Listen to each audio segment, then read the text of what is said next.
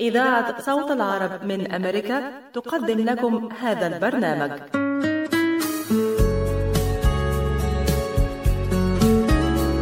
القهوة عالم يجمعنا بناس نشوفها نحبها ومن جوه قلوبنا تفوت. قلوبهم دايما شايلة حكاوي وذكريات. هنشاركها معاهم مع فنجان قهوة. فنجان قهوة لقاء من إعداد وتقديم مروة. أهلا بمستمعينا في كل مكان ولقاء يتجدد مع فنجان قهوة. معكم نتجول حول العالم ونأتيكم بفقرات ولقاءات نتمنى أن تضفي على يومكم بهجة وسعادة. سأكون فيها معكم مروة مقبول. عندما يحكم المال السياسة لا يمكن للمواطن العادي التمتع بحقوقه الدستورية. هويدا عراف عربية أمريكية من فلسطين أدركت هذه الحقيقة. وتريد اليوم فك هذا الارتباط. قررت هويدا الترشح لعضوية الكونغرس في الدائرة العاشرة الجديدة والتي تضم مدنا يتواجد فيها العرب والكلدان بقوة. هويدا محامية حقوق مدنية تدافع عن حقوق الجميع بما في ذلك العرب والكلدان. هنا في الولايات المتحدة وحول العالم. لا أحد مثل هويدا يستطيع النضال من أجل حقوقكم الأساسية في إيجاد فرص العمل والطبابة والتعليم والعيش في بيئة نظيفة. إدعم هويدا عراف في الانتخابات التمهيدية المقبلة في الثاني من آب أغسطس وصوت حضوريا أو بالاقتراع الغيابي. لمزيد من المعلومات قم بزيارة هويدا for congress dot com. صوتك حقك فامنحه لمن يستطيع إيصاله. امنحه لهويدا عراف فهي تعرف حقوقك جيدا. إعلان مدفوع من قبل حملة هويدا عراف للكونغرس. لتحضري عشاء طيب وسفرة ملكية منقدم لك تشكيلة متنوعة وغنية مربيات كبيس وحمص بطحينة الجودة عالية والمنتجات صحية. الشكل مثل الخيال والريحة شهية. لتطلع سفرتك لوحة فنية زياد لقمة هنية وطعمة أصلية. منتجات زياد من عائلتنا إلى عائلتكم. في الخامس من شهر يوليو يحتفل العالم بيوم مدمني العمل. فهم ليسوا مجرد أشخاص تشعر بالالتزام تجاه العمل وإنما لديهم القدرة على مواصلة العمل لساعات طويلة جدا دون انقطاع حتى لو لم يكن المطلوب منهم البقاء في مكان العمل لكل هذا الوقت. وأوقات راحتهم يقضونها في العمل أيضا فهم يضعون عملهم أولوية قصوى. هم شخصيات معروفة بالطموح والتركيز بالإضافة إلى العملية. وبالنسبة لمدمني العمل فإن تحقيق التوازن بين العمل والحياة هو أمر يكافحون من أجله. فهم يعلمون أنه لا ينبغي عليهم العمل لمدة 80 ساعة في الأسبوع لكنهم يشعرون بالعجز عن التوقف. إن المدمنين عن العمل هم أشخاص يملكون حماسا شديدا جدا للعمل بالإضافة إلى أنهم يبذلون قصارى جهدهم في عملهم من أجل النجاح. وإذا فشلوا في إنجاز هذا العمل يدفعهم ذلك إلى تنفيذ المزيد من العمل من أجل النجاح ولكن هذا الفشل سيسبب لهم الكثير من القلق. الإدمان على العمل سوف يسبب الكثير من المشكلات الخطيرة على هذا الشخص سواء في حياته الشخصية أو الاجتماعية لذلك من المهم أن يرتاح هؤلاء الأشخاص ولهذا السبب يتم الاحتفال باليوم العالمي لمدمني العمل في الخامس من شهر يوليو من كل عام بهدف التوعية بهذا النوع من الإدمان. الكثير من الأشخاص يعتقدون أن الإدمان على العمل شيء جيد وهذا لأنه سيعود عليهم بإضافة على الراتب أو ترقية في العمل لكنهم لا يدركون أن الإدمان على العمل له كثير من العواقب وأن هذا الإدمان سينعكس عليهم سلبا لأنه يدمر الصحة الجسدية والعلاقات الاجتماعية. دعونا نتعرف على هذه العواقب.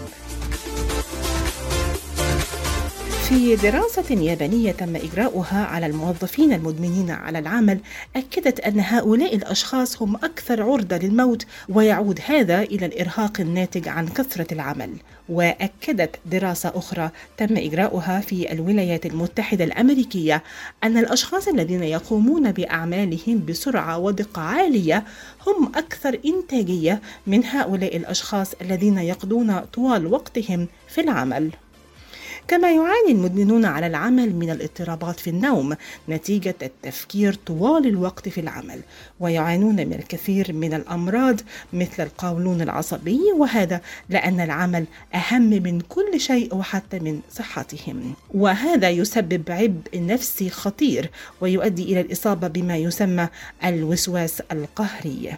ويدمر الإدمان على العمل العلاقات الاجتماعية بسبب الانشغال في العمل طوال الوقت وإهمال العلاقات الأسرية والزوجية. في هذا اليوم إذا كان لديك صديق مدمن على العمل فعليك مساعدته على إدراك أهمية الأصدقاء والعائلة والصحة أكثر من الراتب. يمكنك مساعدته على التخطيط لقضاء إجازة أو عطلة مع الأصدقاء أو العائلة في بعض من أروع الأماكن حول العالم. كما يمكنك مشاركة أفكارك حول هذا اليوم بتقديم بعض النصائح على منصات وسائل التواصل الاجتماعي مثل الفيسبوك وإنستغرام وتويتر وما إلى ذلك باستخدام الهاشتاج workaholic day هناك الكثير من الأسئلة والعلامات التي تجعلك تعرف ما إذا كنت أنت مدمنا على العمل أو لا. سنقدم لك بعض من هذه العلامات التي سوف تساعدك في معرفة هذا. إذا كنت تعمل لأكثر من 8 ساعات يوميا فأنت مدمن على العمل.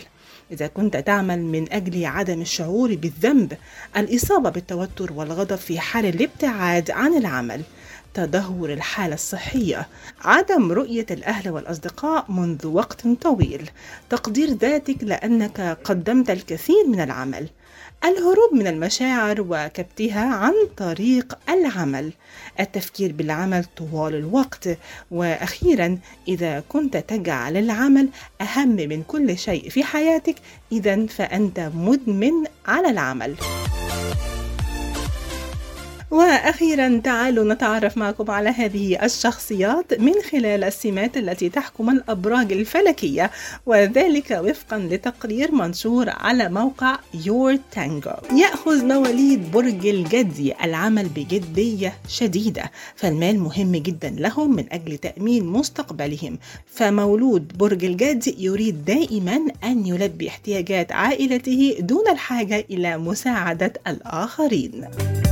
عندما يضع برج العقرب عينه على هدف ما فإنه لا يتوقف حتى يصل إليه.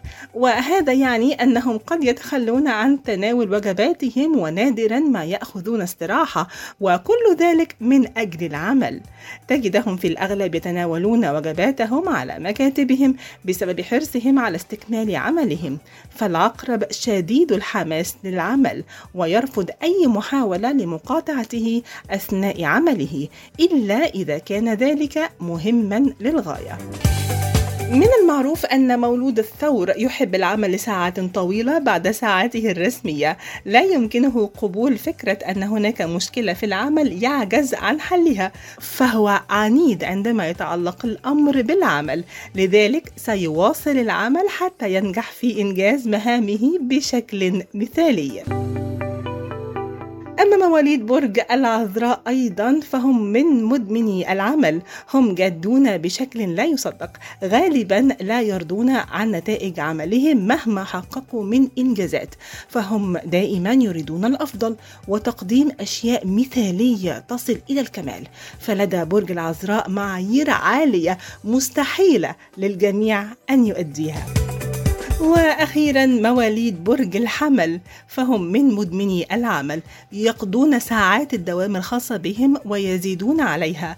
لا يمكنهم أن يخذلوا من وثق فيهم ابدا. سيحاولون بذل كل ما في وسعهم من أجل إثبات أنفسهم وإمكاناتهم. عزيزي المستمع إذا كنت من مدمني العمل فاليوم هو فرصتك لتغيير ذلك على الفور.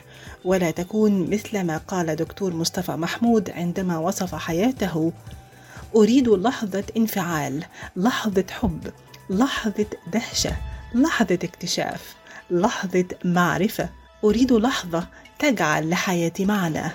إن حياتي من أجل أكل العيش لا معنى لها لأنها مجرد استمرار. لا زلتم معنا مستمعينا وفنجان قهوة وهذه هي محطة ذاكرة التاريخ حيث نستعرض معكم مستمعينا أحداث وقعت في مثل هذا اليوم الخامس من شهر يوليو في هذا التقرير. حدث في مثل هذا اليوم الخامس من يوليو.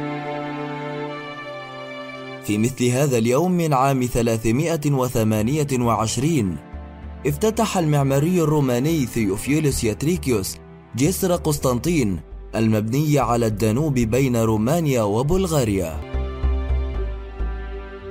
في مثل هذا اليوم من عام 1450 سجل الفلكيون انفجار المستعر الأعظم في الصين والذي نتج عنه سديم السرطان الحالي.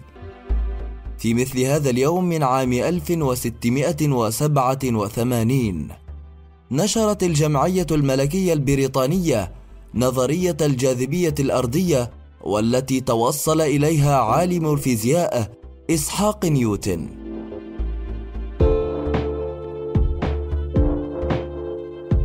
في مثل هذا اليوم من عام 1811 أعلنت فنزويلا استقلالها عن إسبانيا لتكون أول دولة في أمريكا الجنوبية تحصل على الاستقلال.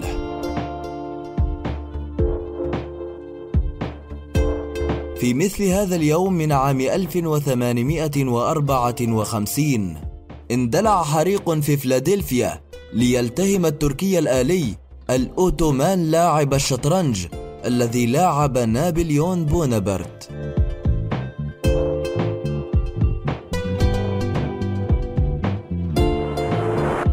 في مثل هذا اليوم من عام 1940 قطعت المملكة المتحدة علاقاتها الدبلوماسية مع حكومة فيشي في فرنسا وذلك أثناء الحرب العالمية الثانية. في مثل هذا اليوم من عام 2004 تم إجراء أول انتخابات رئاسية في إندونيسيا. في مثل هذا اليوم من عام 2015 تم تتويج سيدات الولايات المتحدة الأمريكية بلقب بطولة كأس العالم لكرة القدم للسيدات بعد تفوقهن في المباراة النهائية على نظيراتهن اليابانيات بنتيجة خمسة مقابل اثنان. هذا البرنامج يأتيكم برعاية. تحس إنه إيديك عم تنمل أو كتفك عم يجمد أو أصابعك عم تورم وما عم تقدر تشتغل فيهم مثل ما بتريد؟ مرحبا أنا الدكتور عبد المجيد قطرنجي. زورونا بموقعنا الإلكتروني www.kachanjihandcenter.com لتتعرفوا على كيفية العلاجات لإصابات اليد والكتف والكوع. وإن شاء الله تقدروا تشاركونا بافتتاح مركزنا الجديد في تروي ميشيغان.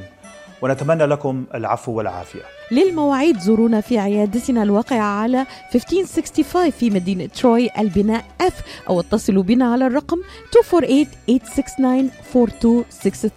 That's 248-869-4263 مرحبا سعيد. أهلا علا. ليش هالمقابلة الفاترة هي؟ بيقول المثل لاقيني ولا تغديني. يمه زعلتي. شنو رأيك إذا لقيتك وأيضا غديتك بأحسن مطاعم ميشيغان مطعم اشتار والله فكرة. أفضل الأطباق والمقبلات العربية والعراقية وأحلى ملقا ولا تنسين اللحوم الطازجة مباشرة من ملحمة اشتار لزباين اشتار وملحمة اشتار توفر اختيارات متنوعة من كافة أنواع اللحوم وبأسعار متميزة وجودة أيضا مميزة. ملحمة اشتار تقع على 36865 Ryan Road في مدينة ستيرلينغ هايت وأكيد أحلى لمة وأطيب لقمة في مطعم عشتار اللي عنوانه 3625 15 Mile Road في مدينة ستيرلينغ هايت هاتف 586-698-2585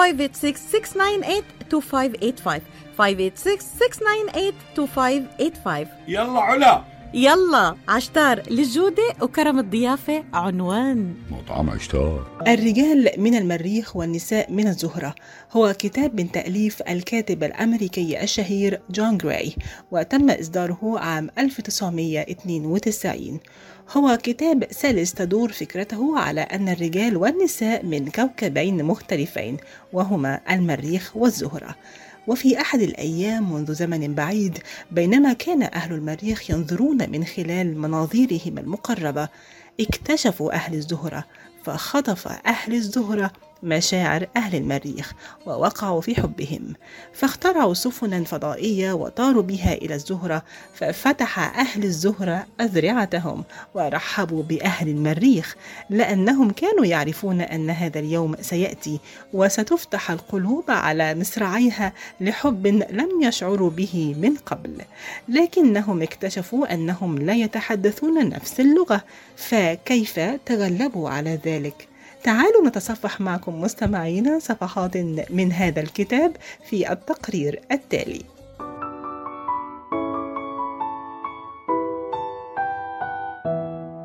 ما بين مقصود لا ينطق ومنطوق لا يقصد.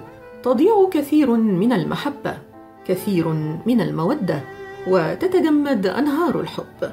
هذه المقولة تعتبر هي خير تعبير عن سبب المشكلات الواقعة بين الرجل والمرأة والتي تنتج عن الاختلافات الطبيعية فيما بينهم، سواء في طريقة التفكير أو طريقة التعامل مع المشكلات الحياتية أو حتى في طريقة تعبير كل منهم عن مشاعره وتفهمه لمشاعر الآخر. وعن هذه الاختلافات بين الرجل والمرأة قدم لنا الكاتب الأمريكي جون جراي كتابه المشهور الرجال من المريخ والنساء من الزهرة والذي يعتبر دليلا إرشاديا لتقوية علاقات الحب بين الأزواج.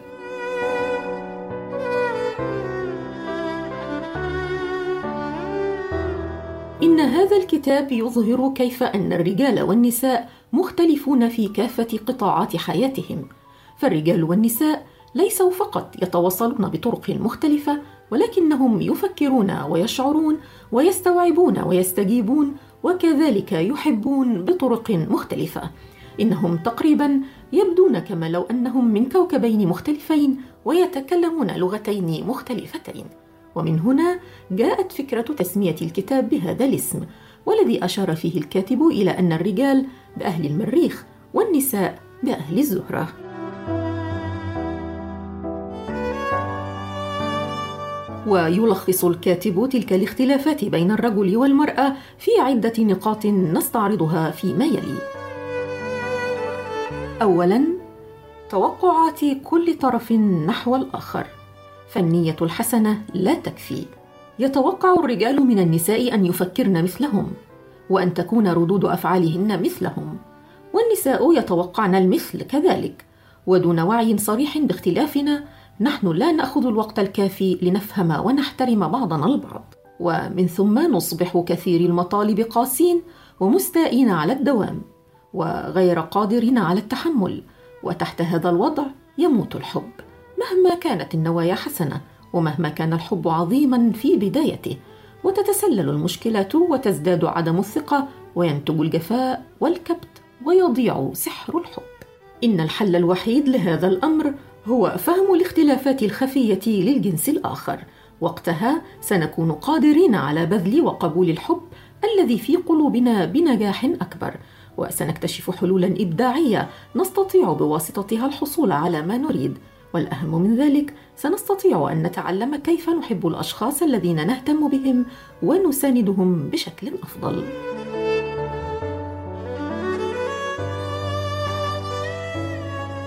ثانيا تفاعل كل من الطرفين مع مشكلات الآخر فالرجل هو السيد الخبير والمرأة هي لجنة تحسين البيت. إن أكثر شكوى تعبر عنها النساء من الرجال مفادها أن الرجال لا يستمعون. فإما أن يتجاهلها الرجل كليا عندما تتكلم أو ينصت لها لثوان معدودة ثم يرتدي قبعة الخبير ويقدم لها حلا لمشكلتها من وجهة نظره ليجعلها تشعر بتحسن. ولكنه يجد أنها لا تقدر الأمر ورغم أنها تكرر كثيرا أنه لا ينصت فإنه لا يشعر أن تلك هي المشكلة. هو يظن دائما أنها تريد حلولا بينما هي لا تريد سوى التعاطف والاستماع. وكذلك فإن أكثر شكوى يعبر عنها الرجال تجاه النساء هي أن النساء يحاولن دائما تغييرهم. فعندما تحب امرأة رجلا تشعر أنها مسؤولة عنه ومسؤولة عن معاونته ليتطور ويتحسن. ومهما قاوم الرجل هذا فإن المرأة لا تكف عن ذلك فهي تظن أنها تنميه وتطوره بينما هو يعتبر ذلك نوعا من التحكم وأنه ينبغي عليها أن تتقبله على ما هو عليه. إن الرجال عمليون وهم مشغولون بالمدركات الحسية والأشياء بدلا من الناس والمشاعر. فبينما تحلم النساء بالحب يحلم الرجال بالسيارات الفارهة والآلات المتطورة وبالتالي فالرجال مشغولون بتحقيق الأهداف والأهداف شيء مهم بالنسبة للرجل لأنها وسيلته للبرهنة على مقدرته وعلى قوته وفهم تلك الصفة المريخية يمكن أن يساعد النساء في فهم لماذا يقاوم الرجل بشدة محاولة تصحيح الأمور أو إخبارهم بما يجب أن يفعلوا وذلك لأنهم حساسون جدا تجاه هذا الأمر. ولكن إذا احتاج الرجل للمساعدة فهو سيتحدث إلى شخص ما للتوصل إلى حل مشكلته. لذلك عندما تبوح المرأة بمشاكلها فهو يقوم بوضع قبعة الخبير وتقديم حلول لمشاكلها.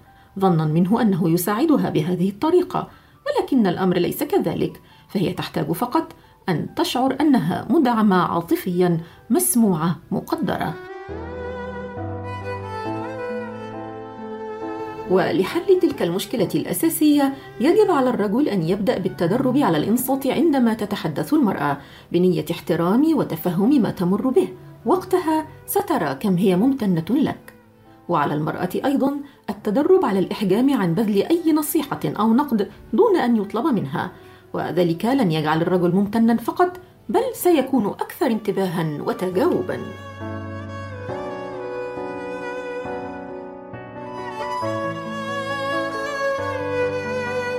ثالثا ردود أفعال كل من الطرفين عند الوقوع في المشكلة وهو أعظم الفروق بين الرجال والنساء حيث يذهب الرجل إلى كهفه بينما تتحدث النساء كثيرا كثيرا. يقول الكاتب جون جراي أن أحد أعظم الفروق بين الرجال والنساء هي طريقة تعايشهم مع الضغوط حيث يصبح الرجال أكثر تركيزا وانسحابا بينما تصبح النساء مثقلات مشوشات عاطفيا. وفي هذه الأوقات تكون حاجات الرجال للشعور بتحسن مختلفة عن حاجات النساء.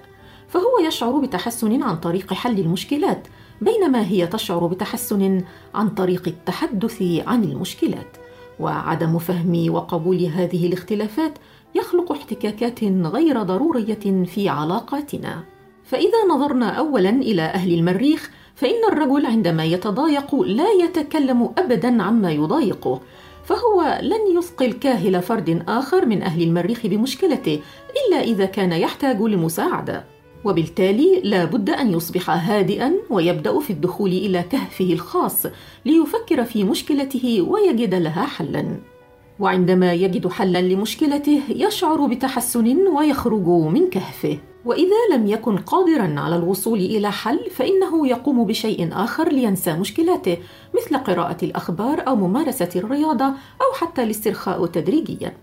والمرأة عادة حينما يكون الرجل في كهفه تشعر بأنه يتجاهلها فهي تتوقع أن يفتح الرجال صدورهم ويتحدثون عن كل مشكلاتهم كما تفعل النساء. لذلك هي تشعر بالألم عندما يدخل إلى كهفه ويتجاهلها. ولحل هذه المشكلة يجب على المرأة أن تتفهم طريقة الرجل في التعايش مع الضغوط. وكذلك يجب على الرجل أن يحاول الاستماع لها إذا رغبت في الحديث في هذا الوقت ولا يأخذ كلامها عن شعورها بالتجاهل على محمل شخصي. وإذا نظرنا بعد ذلك إلى أهل الزهرة في التعامل مع الضغوط سنجد أن المرأة عندما تتعرض للضغط الشديد فإنها تشعر غريزيا برغبة في الحديث عن مشاعرها وعن كل مشكلاتها وعندما تبدأ الحديث فإنها لا تراعي أولوية أي مشكلة حسب أهميتها. فعندما تكون متضايقة تكون متضايقة من كل شيء. فهي تكون غير مهتمة بالعثور على حلول لمشكلاتها بل تبحث عن الراحة بالتعبير عن نفسها وأن تكون مفهومة ومقدرة وبالحديث العشوائي عن مشكلاتها تصبح أقل انزعاجا. وعندما تتحدث النساء عن مشكلاتها يصبح الرجل منزعجا لأنه يعتقد أنها تلقي عليه باللوم. وهو لا يدرك أنها تتحدث فقط لكي تشعر بالتحسن وأنها ستكون ممتنة له لو أنه أنصت فقط. ولحل هذه المشكلة يجب أن يتعلم الرجال الإنصات دون الشعور بأنهم ملومون أو مسؤولون وأن تحاول المرأة أن تذكر الرجل بأنها تريد التحدث عن مشكلاتها فقط وأنه ليس ملزما بحل أي منها. وهكذا يستفيض الكاتب جون جراي في تلخيص الاختلافات بين الرجل والمرأة وتقديم حلول ملائمة للتعامل معها. مثل الطريقة المثلى لتحفيز كل طرف على التمسك بالآخر وكيفية تجنب المجادلات والمشاحنات وهكذا وهكذا. وهذا ما سنتحدث عنه في الحلقة القادمة. شكرا لكم وإلى اللقاء. كانت معكم عبير حسين. هذا البرنامج يأتيكم برعاية مركز طب رهاب للعلاج الطبيعي بإدارة الدكتور محمد فرح حسين أخصائي العلاج الطبيعي بخبرة أكثر من 13 عاما. طب رهاب يقدم خدمات العلاج الطبيعي وإعادة التأهيل ويضم مجموعة من أفضل أخصائي التشخيص الدقيق للحالات المرضية مع خبرة عالية في التعامل مع الحالات التي تحتاج إلى إعادة تأهيل وعناية خاصة بعد العمليات والكسور. طب رهاب يستقبل كل الحالات المتعلقة بألم الرقبة، الظهر، المفاصل، شلل الوجه، الانزلاق الغضروفي، عرق النساء، الحوادث وإصابات العمل. خبيرات في المعالجة النسائية لخصوصيات تامة للسيدات. عندما تبحثون عن رعاية متميزة اقصدوا توب ريهاب للعلاج الطبيعي. الواقع على 15001 ميشيغان افنيو وللمواعيد اتصلوا على 313 846 0555 That's 846 0555 يوسف الحسن شايفك لازم بيد حالك عالي إلي ساعة عم بستناك مشان نروح نتغدى بالشام. الشام؟ إيه بالشام ومو بالشام. شلون صارت هي؟ بدل ما نروح نتغدى بالشام إيه. جابوا لنا الأكلات الشامية الطيبة لعنا لهم. وشلون بقى؟ هذا مطعم دماس عم يعمل كل الأكلات الشامية الطيبة. هو. وطيبة؟ طيبة كتير. شرفوا نتغدى سوا بمطعم دماس.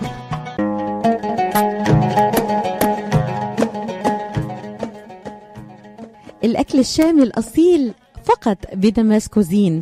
زوروهم على 28841 Orchard Lake بفارمينغتون هيلز. ولطلباتكم اتصلوا على 248 987 4609 That's 248 4609 دمس cuisine and catering جبنا لكم الشام لعندكم الساعة التاسعة وسبعة عشر دقيقة. أوف لقد تأخرت. يجب أن أسرع. هل تعلم أنه مع تجاوز السرعة المحددة تزداد مخاطر الاصطدام وربما تحصل على مخالفة باهظة التكلفة أيضا؟ خلال عام واحد وقع 22 ألف حادث اصطدام بسبب السرعة في ميشيغان مما أسفر عن 200 حالة وفاة ماذا؟ كيف عرفت أنني مسرع؟ ثم لو لم أكن لوحدي في السيارة لما أسرعت هل تعلم أيضا أنك بسبب السرعة تعرض حياة الركاب والمشاة الآخرين للخطر بما فيهم الأطفال والحيوانات؟ كيف تعرفين كل هذه الأشياء؟ إني أعرف كل شيء كيفن؟ كلما زادت سرعتك فوق الحد المسموح به كلما زادت مخاطر ارتكابك للحوادث خفف السرعة. هناك من يراقب سرعتك الآن. رسالة من مكتب تخطيط سلامة الطرق السريعة في ولاية ميشيغان. مستمعينا لازلنا معكم وفنجان قهوة ونحن في ضيافة الدكتور نادر المصري الخبير في علم الفراسة ولغة الجسد والباحث والمحاضر في علم إدارة العلاقات والتنمية البشرية. سيحدثنا اليوم عن الاختلافات بين آدم وحواء واستيعاب كل طرف فيهم للاختلافات وكأن كل طرف منهم من كوكب منفصل. مثل ما قال الطبيب النفسي الأمريكي جون جراي في كتابه المرأة من كوكب الزهرة والرجال من المريخ.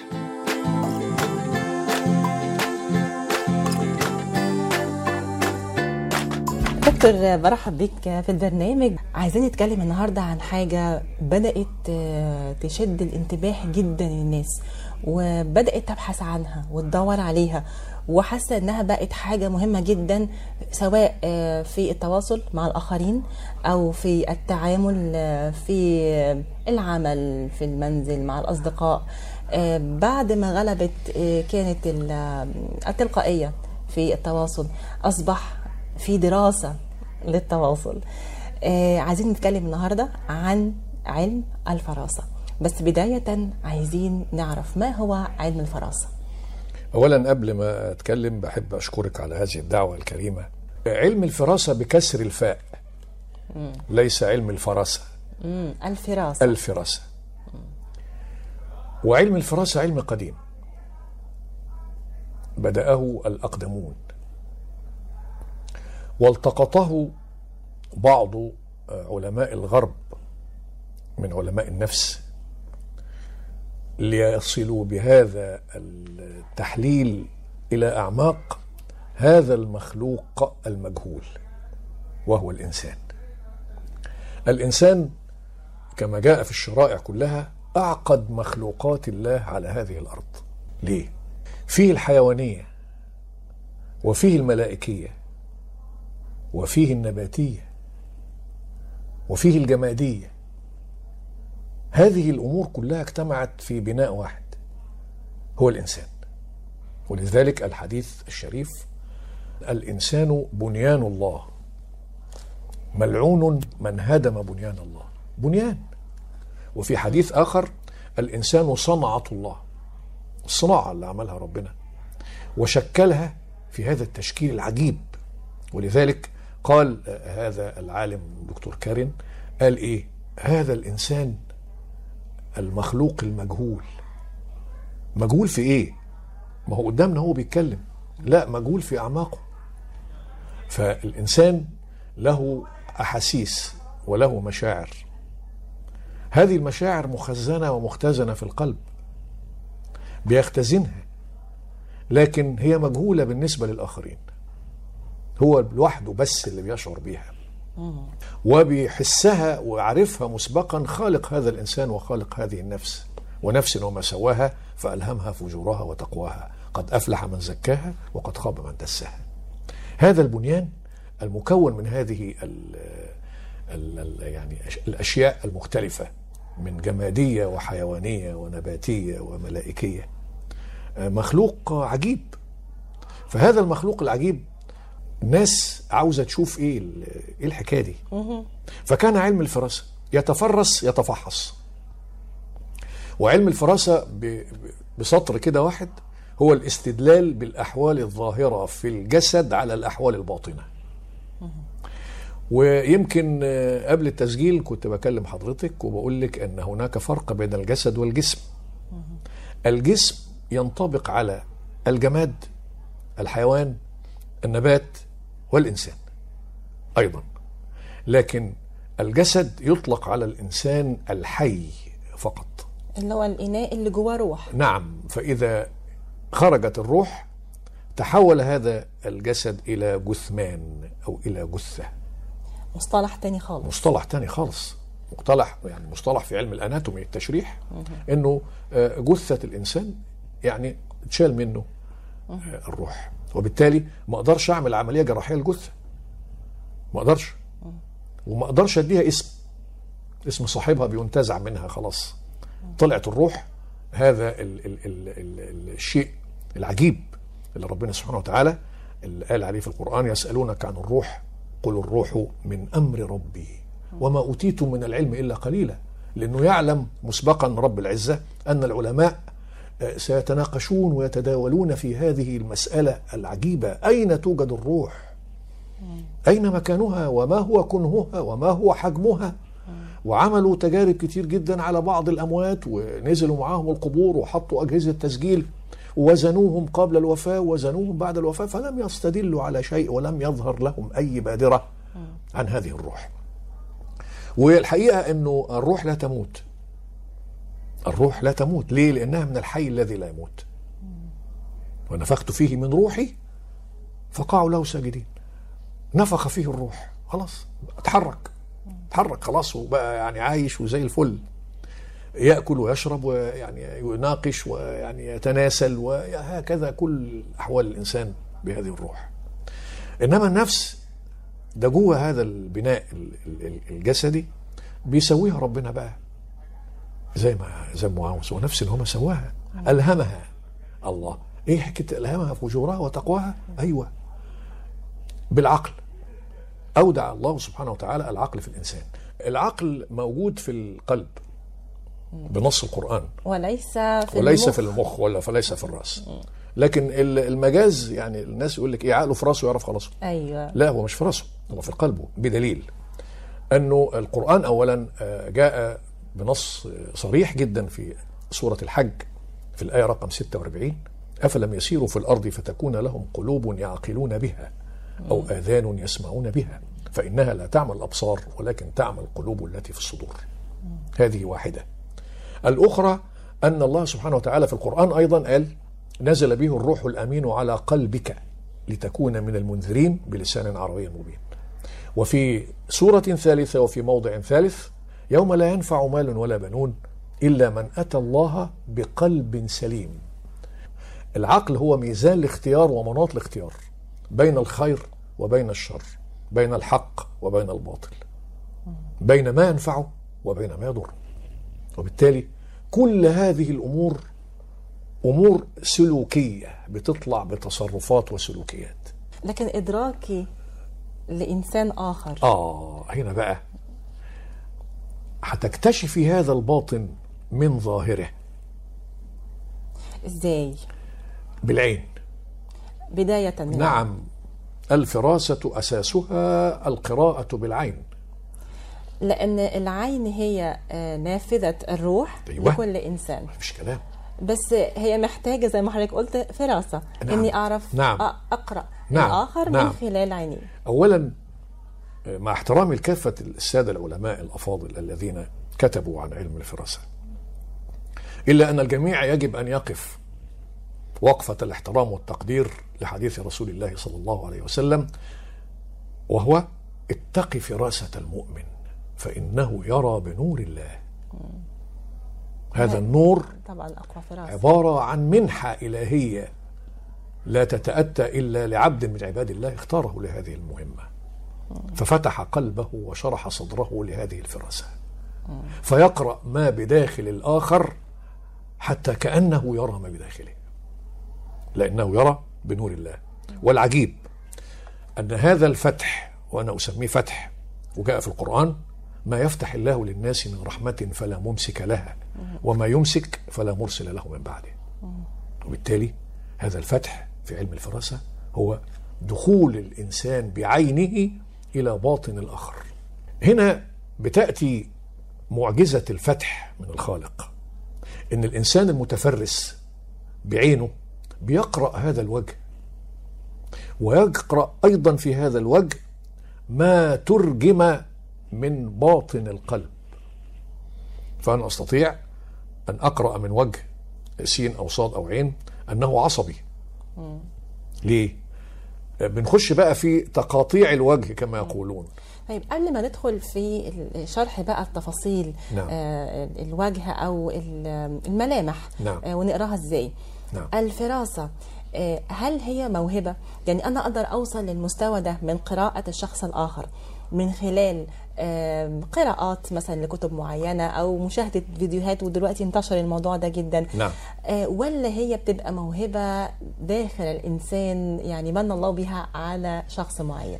هي هبة وفتح ودراسة وممارسة وتدريب وإخلاص. الست عو- نعم. عوامل لكن نعم. ما ينفعش عامل واحد بس منهم كقراءة فقط لا. فك مثلا. ما أقدرش أفتح الكتاب. آه. بتاع مثلا ال ال ال الإمام فخر الدين الرازي ويقول لك آه دي واحدة ما أشوف لك بقى العين آه، عاملة إزاي؟ لا لا لا أنت عينك آه، مستديرة أو النني مش عارف إيه الحدقة فيها إيه؟ لا ده ال- اللون الأخضر بيدل على إن العين صاحبها إيه؟ آه. لا ما أقدرش أقول لك مثلا إنه مثلا وجهك مستطيل أو مربع يدل على إيه؟ دي القراءة الظاهرة. والدلالات كلها دلالات شخصية باجتهادات. بيقول الوجه المربع إيه؟ والوجه المستطيل إيه؟ أنا هعرضها على حضرتك في في في الكلام. تفاصيل ال- الوجه المستدير في مثلا بيدي طبيعة معينة. طب عرف إزاي؟ من ممارسة صاحب هذا الوجه ومن هم على شاكلته بتصرفات تكاد تكون متطابقة. زي حضرتك لما بتعملي بحث بتاخدي عينة ومن هذه العينة بتدي لك الاستدلال على ال- ال- المجتمع. مجتمع البحث. فنفس الحكاية. آه، جمع عينة مثلا من ألف واحد مثلا من أصحاب الوجوه المستديرة. وفي أصحاب الوجوه المستطيلة أصحاب الوجوه البيضاوية أصحاب الوجوه المثلثة أصحاب الوجوه المربعة. ولكل صفته. جابوها مش من فراغ أو مش من تأليف. لا ده جابوها عن طريق الفراسة في الآخر الذي يتمتع بوجه شكله معين مربع مستطيل مستدير. مع قياس تصرفاته مع كل الناس اللي بيتمتعوا بهذا الوجه بهذا شكل الشكل. الوجه. فبيطلع الوصف بقى يقول مثلا ده ده مثلا أصحاب الوجه المستطيل آه، بيطلق عليهم آه، وجه الرئيس. ليه؟ لأنهم وجدوا قادة عظام. نفس الشكل آخذوا هذا الشكل المستطيل من الوجه فأطلق المتفرس أو علم عالم علم الفراسة بيقول إيه؟ أن أصحاب الوجه المستطيل هم الرؤساء ولذلك في الصين وأنا قلت لحضرتك إن الصين يعني هي اللي كانت سباقة في هذا العلم بعد العرب إنه وجه الرئيس في الصين بالذات ال- ال- ال- قالوا عليه وجه الرئيس ليه؟ لأنه نادر الصين أنت عارف حضرتك شكل الوجه بتاعهم مدور. آه لكن حينما يظهر وجه مستطيل ويتبوأ منصب رئاسي أو قيادي على طول بتيجي النتيجة. يقول لك لا ده ده حاجة يعني زي حاجة كده حاجة إيه متفردة. جوهرة آه حاجة متفردة. لا ده قائد أو رئيس. وبعدين بيحطوا هذا الرئيس في شكل آه، الموديل بقى اللي بيقيسوا عليه. فيصبح كل آه، صاحب وجه مستطيل رئيسا في موقعه. مش مهم يكون رئيس الدولة أو رئيس الوزراء لا مدرس. لكن بيتمتع برئاسة وقيادة. آه، مثلا بيقولوا مثلا أصحاب الوجه المستدير مثلا آه، عندهم طيبة فطرية كده و آه يعني بعض الناس مثلا في ال... في الاصطلاح بتاعنا الدارج يقول لك يا سلام ده وشه زي البدر. صحيح. مش كده؟ ليه وشه زي بيقول لك ده راجل صالح وشه زي البدر أو وشها زي البدر. الله إيه ليه البدر؟ لأن البدر منور منور كده مست- مستدير. كامل الاستدارة. لكن المثلث المربع ما بيقص على حاجة تانية بيبقى متفرد. لكن لما بيقول زي القمر أو زي البدر والشعراء طبعا العرب يعني تباروا في هذا ال- ال- الوصف كثيرا يعني آه، بيقول حاجة آه، لم يختلف عليها اثنان ولن يختلف أن وجه القمر كانه وجه. صحيح. حضرتك لما تبصي لشكل القمر في السماء كأن عينين وفم. صحيح. آه. لكن ال- الشكل العام إنه يعني خيل للانسان وخيل للشعراء وكتبوا هذا الكلام كله إنه وجهه زي القمر أو وجهها زي القمر كالقمر. الله يبقى هنا القمر شكله إيه؟ المدرك بالعين الحواس هتشتغل. هذا البرنامج يأتيكم برعاية. تخيل أنك تقف على مسار قطار بعيد عنك لكنه يتجه إليك لا يمكنك رؤيته. لكنه قادم إليك بالتأكيد. إذا كنت في مرحلة ما قبل السكري أو معرضا لخطر الإصابة بالسكري من النوع الثاني فقد تكون على المسار الخاطئ وقد يصل إليك مرض السكري. لا تقف على المسار الخاطئ بل غير طريقك وتجنبه إذا كنت في مرحلة ما قبل السكري أو معرضا لخطر الإصابة بالسكري من النوع الثاني فقد تكون مؤهلا للبرنامج الوطني للوقاية من مرض السكري ضمن مجتمعك المحلي. سيمنحك البرنامج ولمدة عام كامل الدعم المستمر لتعود إلى المسار الصحيح. لم يفقد المشاركون الوزن فحسب بل قللوا من خطر إصابتهم بالسكري من النوع الثاني إلى النصف. هل أنت مستعد للانضمام إلى مستقبل أكثر صحة؟ اعرف المزيد عن البرنامج الوطني للوقاية من مرض السكري وإمكانية التعامل معه. قم بزيارة michigan.gov/diabetes رسالة من وزارة الصحة والخدمات الإنسانية في ولاية ميشيغان ليلى ذات الخمس سنوات ووالدتها في طريقهما إلى المنزل بعد زيارة الجدة. إنها العاشرة مساء. تأخر الوقت لأن ليلى لم ترغب بمغادرة بيت جدتها الحبيبة. ليس بعيدا عنها. يودع ديلان ذو الخمس والعشرين عاما بعض الأصدقاء.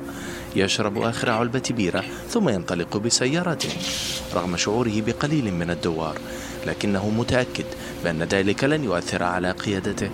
كانت ليلى وأمها تغنيان مع الراديو؟ ومع دخول الأم المنعطف فجأة تلتقي بديلان.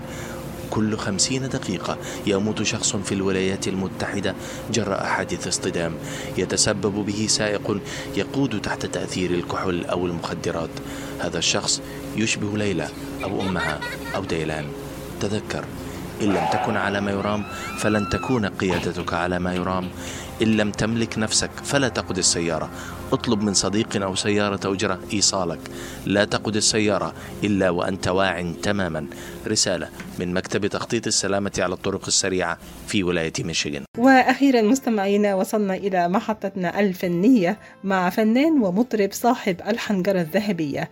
استطاع أن يحفر اسمه وسط عمالقة جيله وجمع بين الغناء الكلاسيكي والعاطفي والشعبي ليرحل عنا تاركا وراءه تاريخ كبير ومئات من الأغاني التي تعيش حتى الآن. من جمال صوته الذي كان له تأثير كبير في قلوب من يسمعه أطلق عليه صوت النيل. نجم اليوم هو محرم فؤاد الذي قام بغناء أكثر من 900 أغنية وشارك في 13 فيلم ومسلسلين وشارك في المسرح أيضا. ولكن الغناء تغلب على أي اتجاه آخر في حياته الفنية. نبحر معكم مستمعين في الدقائق التالية مع بحار الفنون وجيه ندى ومحطات من حياة الفنان الراحل محرم فؤاد. أحبائي مستمعي إذاعة صوت العرب من أمريكا. حلقة اليوم وبحار كل الفنون وجيه ندى والمطرب الشهير محرم فؤاد وحياته الفنية الغنائية والسينمائية على الساحة الطربية. هو محرم حسين أحمد علي مواليد 1934 لأسرة من أصول محافظة سوهاج وكان ميلاده في شارع ورشة القطن بحي بولاء في القاهرة. أما لقب فؤاد هو عندما تعاون مع الملحن فؤاد حلمي وكان اعتماد أول ألحانه في الإذاعة من نظم فتح أورا في موسم 1957 غنى كلمات حب إيه بعد ما أخذ الكلمات من مؤلفها الأصل اللي هو عبد الوهاب محمد. ومن أحلى وأشهر أغانيه من ألحان مكتشفه فؤاد حلمي ألحانه الحبايب زودوها حبتين لمحمد البحطيطي واهلا بالحرب لمحمد حمزة وأنا برتاح لك لصلاح عمار ولثورة يوليو غنى حبايبنا كل الدنيا لفتح أورا وأهلا بالحرية يا بلدي لأحمد السمرة وغنى لمصر عشرات الوطنيات منهم أولاد النيل لحسين فوزي والقومية العربية لإبراهيم رأفت. أحرار ولاد أحرار جنود السلام. وغنى لعودة القناة بعد 1967 سفينة يا معدية لعبد الرحمن الأبنودي. وأرض السلام كلمات فاروق شوشة وألحان محمود الشريف. ولم الصف لعبد الرحمن الأبنودي وألحان رياض البندق. ومن أشهر أغانيه على الساحة الطربية نور الشمس وأوعى تكون بتحب يا قلبي الإسماعيل الحبروك والحلوة داير شباكة والنبي لنكيد العزال لمرسي جميل عزيز. وغنى محرم فؤاد من ألحان سيد مكاوي مجموعة من الألحان منهم. صباحك الوردي شاور لي يا حبيبي. ومن ألحان منير مراد غنى شفت الحب. وغنى أشهر أغانيه من ألحان فريد الأطرش. مين ينسى وحشني رد عليا إزيك؟ سلامات. وكان الموسيقار بيلحنها لمين؟ لعبد الحليم حافظ.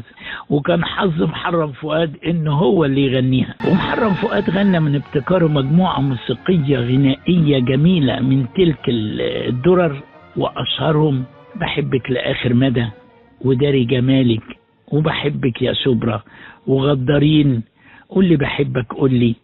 قالوا الحب عذاب قلت بحب عذابه. ومن أغانيه الوطنية والحب مصر وحياة بلدي أنا رايح أتطوع فدائي. الله الله على الحرية وحدتنا الغالية وأهلا بالحرب ومصر لم تنم. وشارك محرم فؤاد في الأوبريتات والبرامج والصور الغنائية ومن تلك الدرر أوبريت دنيا البيانولا مع عفاف راضي وإخراج كرم مطاوع. أما حياته في السينما فكان أول أفلامه البطولة مع مين؟ مع سعاد حسني وفيلم حسن ونعيمة وفيلم عشاق الحياة مع نادية لطفي ويوسف شوقي ومحمود المليجي وغنى مسا التماسي وندم والنبي لنكيد العزال وغريب يا ليل وكان الإخراج لحلمي حليم ولعرض واحد يوليو عام 1901 وسبعين. وتزوج طبعا في حياته الفنان محرم فؤاد.